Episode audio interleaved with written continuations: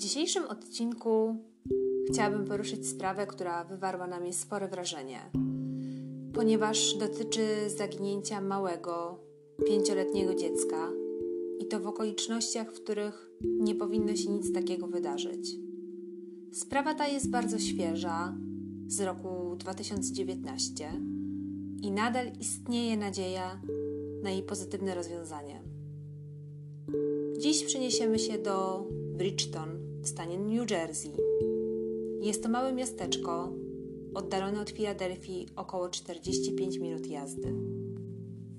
Większość mieszkańców tego miasta jest pochodzenia latynowskiego i jak to często w Stanach bywa, nie wszyscy mają pozwolenie na pobyt.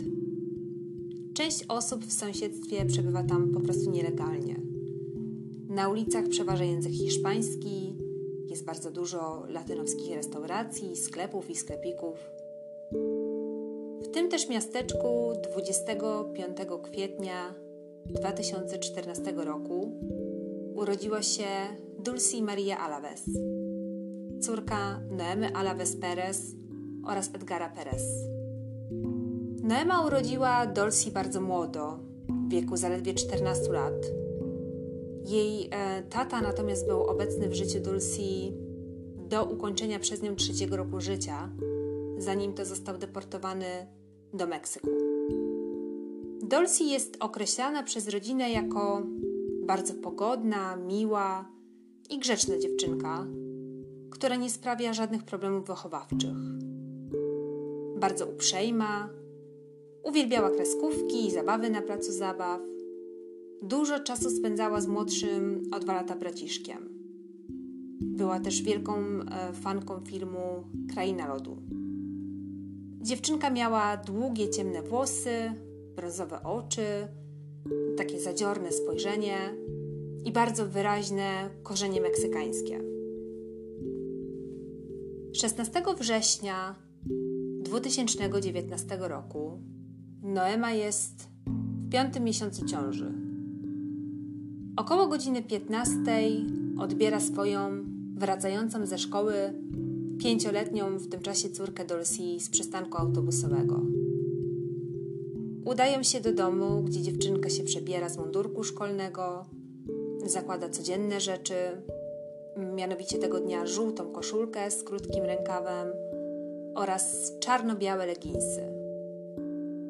Razem ze swoim trzyletnim bratem, mamą i ciocią, która w tym czasie również jest jeszcze dzieckiem, e, ponieważ ma zaledwie 8 lat, wybierają się do pobliskiego parku na plac zabaw. Dodam, że nie po raz pierwszy. Po drodze wstępują jeszcze po lody do stacji, na stację benzynową. Tam też rejestruje ich kamera monitoringu. Do parku ze stacji udają się autem Noemy. Na miejscu dzieci wychodzą z samochodu i biegną prosto na plac zabaw. Natomiast Noema, która w tym czasie, jak już wspomniałam, jest w piątym miesiącu ciąży, czuje się dość zmęczona i taka ociężała tego dnia. Postanawia więc zostać e, w samochodzie razem ze swoją siostrą, Kamilą, Zresztą plan był taki, że tego dnia to właśnie Noema będzie pomagać Kamili w odrabianiu pracy domowej. Zdrapują też y, zakupione wcześniej zdrapki, co oczywiście częściowo odciąga y, jej uwagę y, od dzieci. Natomiast co jakiś czas zerka na plac zabaw, który od auta jest oddalony o mniej więcej 40 metrów i sprawdza, co robią jej dzieci. Tymczasem rodzeństwo udaje się na huśtawkę. E, wydaje się, że bardzo dobrze się bawią.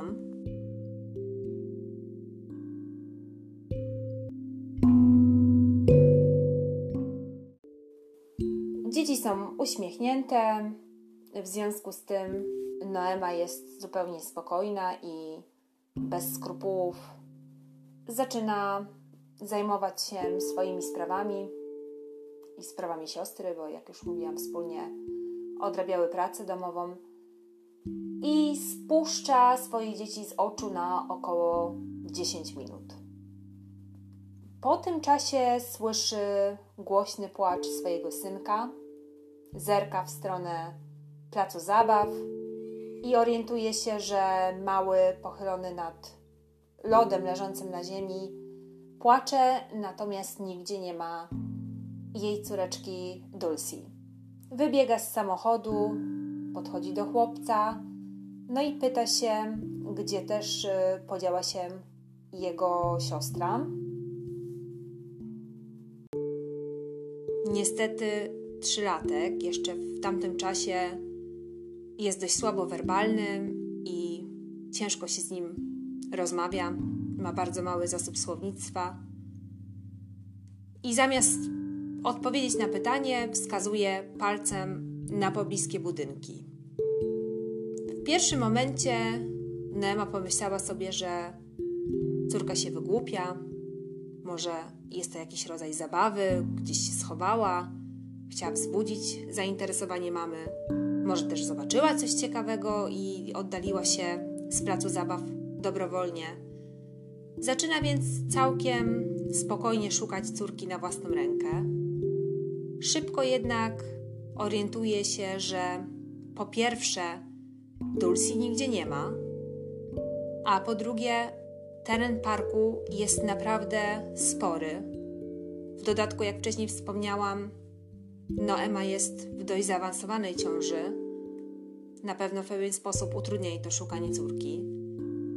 Myślę też, że nie było łatwo szukać małej Dulcie samej, mając pod opieką kolejną dwójkę małych dzieci, czyli swoją ośmioletnią siostrę i e, trzyletniego syna. Po około 30 minutach dzwoni w końcu do swojego brata i prosi go o pomoc w szukaniu córki. Na miejsce przyjeżdża nie tylko brat, ale też e, babcia Dulcie, czyli mama Noemy. Przeszukują park, pytają przechodniów, między innymi grupkę grających w koszykówkę dziewczynek, które wyglądały na około 10 lat. Dziewczynki te wspominają, że jakiś czas temu widziały dwóch mężczyzn w pobliżu Dulcie. Jeden z nich miał strącić loda chłopcu z ręki, drugi natomiast w tym czasie zabrać dziewczynkę w stronę budynków. Po tej rozmowie i po tych wspomnieniach dziewczynek, no Emma jest już naprawdę zdenerwowana. Dlatego około godziny 17 decyduje się o zniknięciu córki zawiadomić policję. Nagranie mm, z operatorem można bez problemu znaleźć w internecie. Kobieta wydaje się być na nim bardzo zdenerwowana. Szlocha, trzęsie jej się głos. Tłumaczy, że od godziny nie widziała córki i że podejrzewa, iż córka mogła zostać uprowadzona z placu zabaw. Początkowo policjanci nie wszczynają jeszcze tak zwanego child alert. Cały czas myślą, że dziewczynka po prostu się zgubiła i że nie mają do czynienia z przestępstwem biorą oczywiście pod uwagę to, że była w miejscu publicznym, że była pod opieką rodzica, że ma tylko 5 lat, więc istnieje prawdopodobieństwo, że chciała sprawić jakiś żart i dobrowolnie oddaliła się z parku. W każdym razie przyjeżdżają na miejsce zdarzenia, gdzie znajduje się zarówno Noema, jak i pozostali członkowie rodziny Dulcie. Babcia dziewczynki wydaje się bardzo zdenerwowana. Biega po parku, wykrzykując imię dziewczynki, ale co za tym idzie, zaciera również wszelkie ślady, które w dalszym toku śledztwa mogłyby okazać się ważne albo nawet kluczowe. Możliwie policjanci uspokajają więc kobietę i zabierają się za przeszukiwanie pobliskich miejsc niestety nic nie znajdują. Kolejnego dnia na miejscu pojawia się FBI W poszukiwaniach dziewczynki bierze udział ponad 100 osób. Pojawiają się psy tropiące, helikoptery, drony, agenci FBI, miejscowa policja, mieszkańcy, rodzina, znajomi. Wszyscy są absolutnie zaangażowani w poszukiwanie pięciolatki. Sprawa również zostaje w tym czasie nagłośniona w mediach. Mija natomiast doba za dobą, a śledztwo praktycznie stoi w miejscu. Iskierka nadziei pojawia się trzeciego dnia od rozpoczęcia poszukiwań, kiedy to policja dociera do trzech niezależnych świadków, którzy zapamiętali w pobliżu parku podejrzanego mężczyznę. Zresztą, jak podkreślali, nie po raz pierwszy kręcił on się w okolicach placu zabaw. Rysopis tego potencjalnego porywacza Dulci brzmi następująco: Latynos, 1,70 cm wzrostu, szczupły, bez zarostu, bez trądziku. Mężczyzna miał na sobie czarny t-shirt, czerwone spodnie oraz pomarańczowe adidasy. Poruszał się czerwonym vanem z przesuwanymi drzwiami oraz przyciemnionymi oknami. Świadkowie ci, jak już wspomniałam, byli od siebie zupełnie niezależni, natomiast podali bardzo zbliżony rysopis podejrzanego. Na jego podstawie stworzono oraz upubliczniono portret pamięciowy miesiąc po zniknięciu Dulcji. Niestety, mimo to nie prowadzi to do żadnego przełomu w sprawie. Pięć miesięcy później dzieje się dość dziwna rzecz. To znaczy, w cztery różne miejsca to jest tor wyścigowy, kasyno, lodziarnia i biblioteka w Ohio przychodzą listy, które bezpośrednio lub pośrednio nawiązują do zaginięcia Dulcji. Listy są napisane odręcznie, bardzo nieczytelnie, bardzo też chaotycznie. Kobieta pracująca w tym czasie w bibliotece miała powiedzieć, że wręcz sugerowałaby, że zostały one napisane albo przez dziecko, albo przez osobę intelektualnie niepełnosprawną. Pierwszy list nawiązywał do pewnego amerykańskiego programu telewizyjnego Dr. Phil, który w jednym z odcinków przedstawiał porwanie Dulcji Alaves. W tym też e, programie wystąpiła matka dziewczynki. Zapytana przez prowadzącego o to, czy kogokolwiek podejrzewał o prowadzenie córki, zasugerowała tam jakiegoś swojego dawnego znajomego, który miał być o nią zazdrosny. I właśnie do tego konkretnego wywiadu odnosił się nadawca listu, co w opinii publicznej mogło sugerować, że matka dziewczynki miała rację, że to rzeczywiście mógł być ten znajomy. Natomiast nigdy nie zostało to potwierdzone przez policję.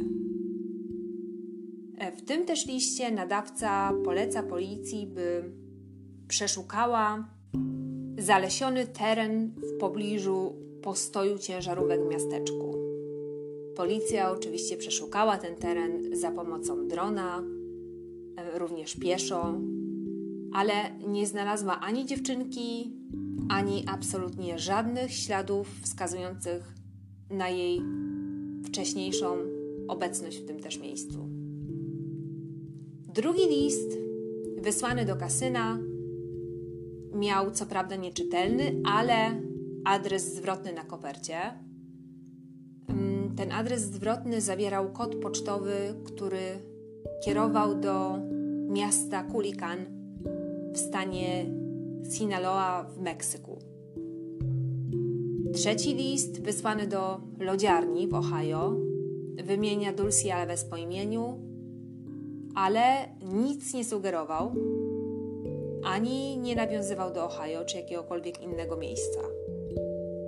Czwarty list wysłany do biblioteki w Ohio nie zawierał żadnych informacji dotyczących stanu Ohio, ani żadnych informacji o tym, gdzie mogłaby znajdować się Dulcie i co wspólnego miałaby mieć ze stanem Ohio. Natomiast zawierał informacje o śledztwie z New Jersey w sprawie zniknięcia dziewczynki. Koniec końców, żaden z tych tajemniczych, przedziwnych listów nie przyniósł przełomu w sprawie, ani nie pomógł nawet o centymetr ruszyć śledztwa do przodu. Policja też po pewnym czasie doszła do wniosku, że list został napisany prawdopodobnie przez jakąś osobę, która de facto nie miała nic wspólnego z Dulcie czy jej rodziną, ale w jakiś no, sobie tylko znany sposób chciała pomóc. To znaczy, ja rozumiem to w ten sposób, że no, przy tego typu sprawach często spotykamy się z ludźmi, którzy mieli jakieś wizje czy sny i na ich podstawie próbują pomóc. Rzadko jednak, jak wiemy, się zdarza, żeby te wskazówki były trafne. Wątek tych listów, mimo wszystko, jest zastanawiający, zwłaszcza, że adresu zwrotnego wynika, że zostały one nadane z Meksyku, skąd y, pochodził i gdzie mieszkał ojciec dziewczynki oraz obecny partner Noemy, czyli ojczym Dulcie. Od tego momentu do wiadomości publicznej nie podano żadnych wskazówek lub sugestii ze strony policji, żeby robiła jakiekolwiek postępy w poszukiwaniu pięciolatki. Jakie więc mamy hipotezy dotyczące zaginięcia Dulcie? Pierwsza i chyba najbardziej medialna dotyczyła Noemy. Trzeciego dnia po zaginięciu Dulcie zostało zrobione zdjęcie jej mamy, która w parku podczas przeszukiwań jadła pizzę. Wzbudziło to, nie wiedzieć z jakiego powodu, przynajmniej dla mnie, bardzo dużo emocji wśród opinii publicznej. Ludzie zaczęli sugerować, jakoby Noema nie przejmowała się zaginięciem Dulcie, była zbyt spokojna, tak jakby doskonale wiedziała, co się z Dulcie dzieje. Wtedy też pojawiły się pierwsze podejrzenia dotyczące tego, że Dulcie została uprowadzona za wiedzą lub nawet na polecenie rodziny, na przykład dla organizacji przestępczej zajmującej się, zajmującej się handlem ludźmi. Sugerowano, że mama Dulcie po prostu ją sprzedała. Natomiast fakt, że siedziała w aucie z młodszą siostrą, miał to potwierdzać. Siostra miała zostać w samochodzie po to, żeby nie zostać zabrana omyłkowo zamiast Dulcie. Kontrowersje wzbudziło również to, że Noema nie pilnowała dzieci na placu zabaw bezpośrednio. Zamiast tego zajmowała się czymś innym i nie zwracała na nie uwagi. Oraz to, że zawiadomiła policję dopiero półtora godziny po zaginięciu Dulcie. Na matkę wylała się w tym czasie również fala hejtu w związku z upublicznionymi zdjęciami z jej profilu społecznościowego, dokładnie z Facebooku. Między innymi zdjęcie, na którym wraz z, grupą znajomych paliła marihuanę. Kolejna rzecz, o której mówiono, to bardzo spokojne wypowiedzi Noemy do mediów.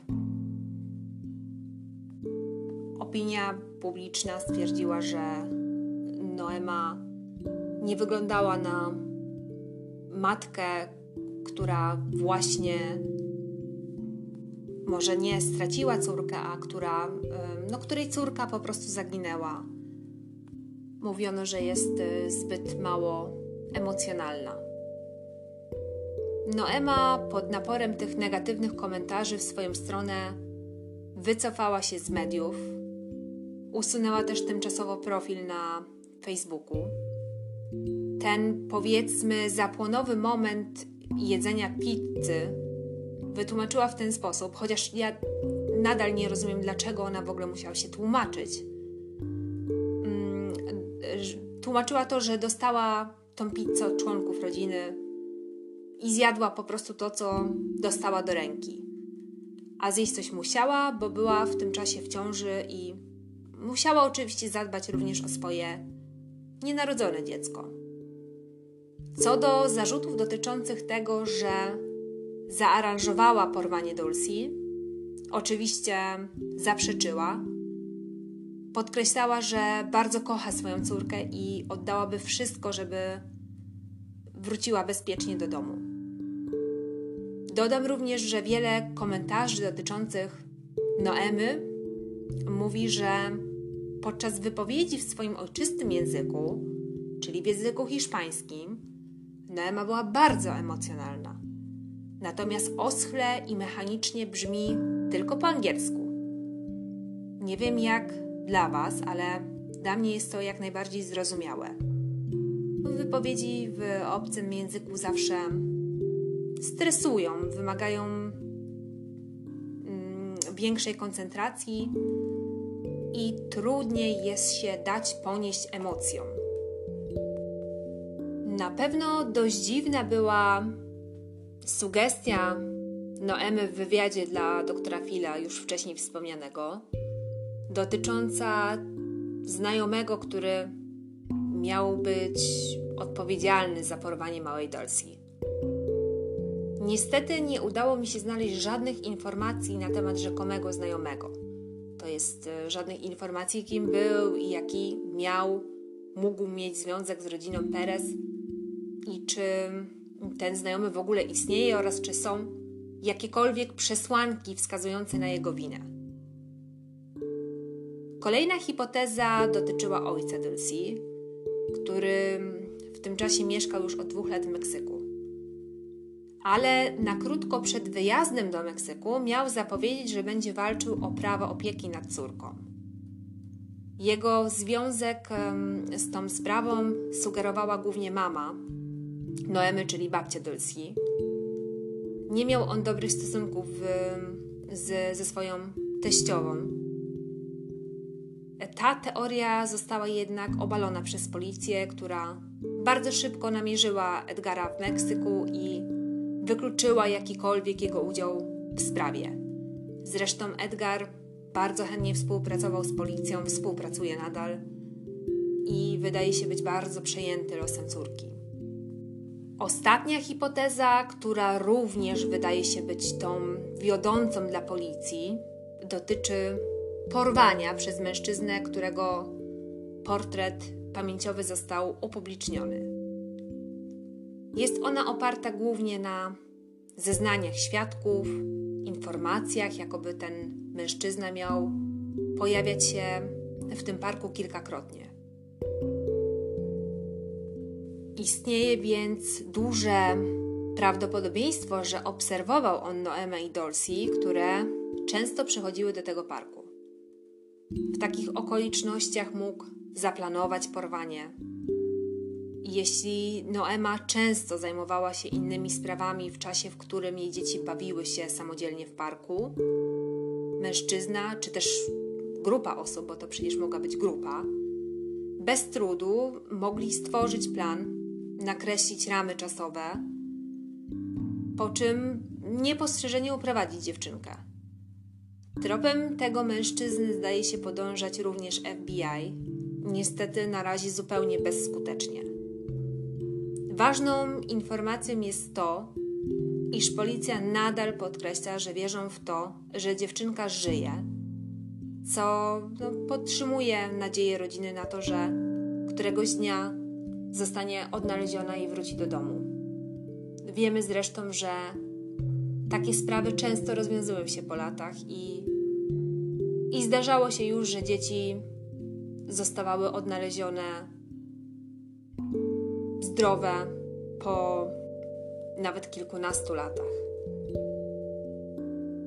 Jestem bardzo ciekawa, co sądzicie na temat tego tajemniczego zaginięcia.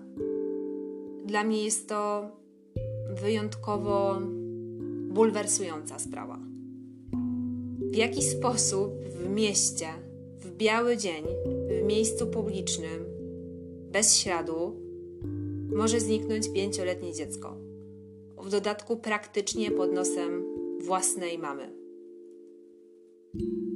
Mam ogromną nadzieję, że któregoś dnia będę mogła sprawę uaktualnić i że zostanie ona rozwiązana z no, korzyścią dla rodziny, z korzyścią dla małej Dulcji, że dziewczynka cała i zdrowa któregoś dnia po prostu bezpiecznie wróci do domu. Dziękuję Wam bardzo za wysłuchanie kolejnego odcinka. Do usłyszenia.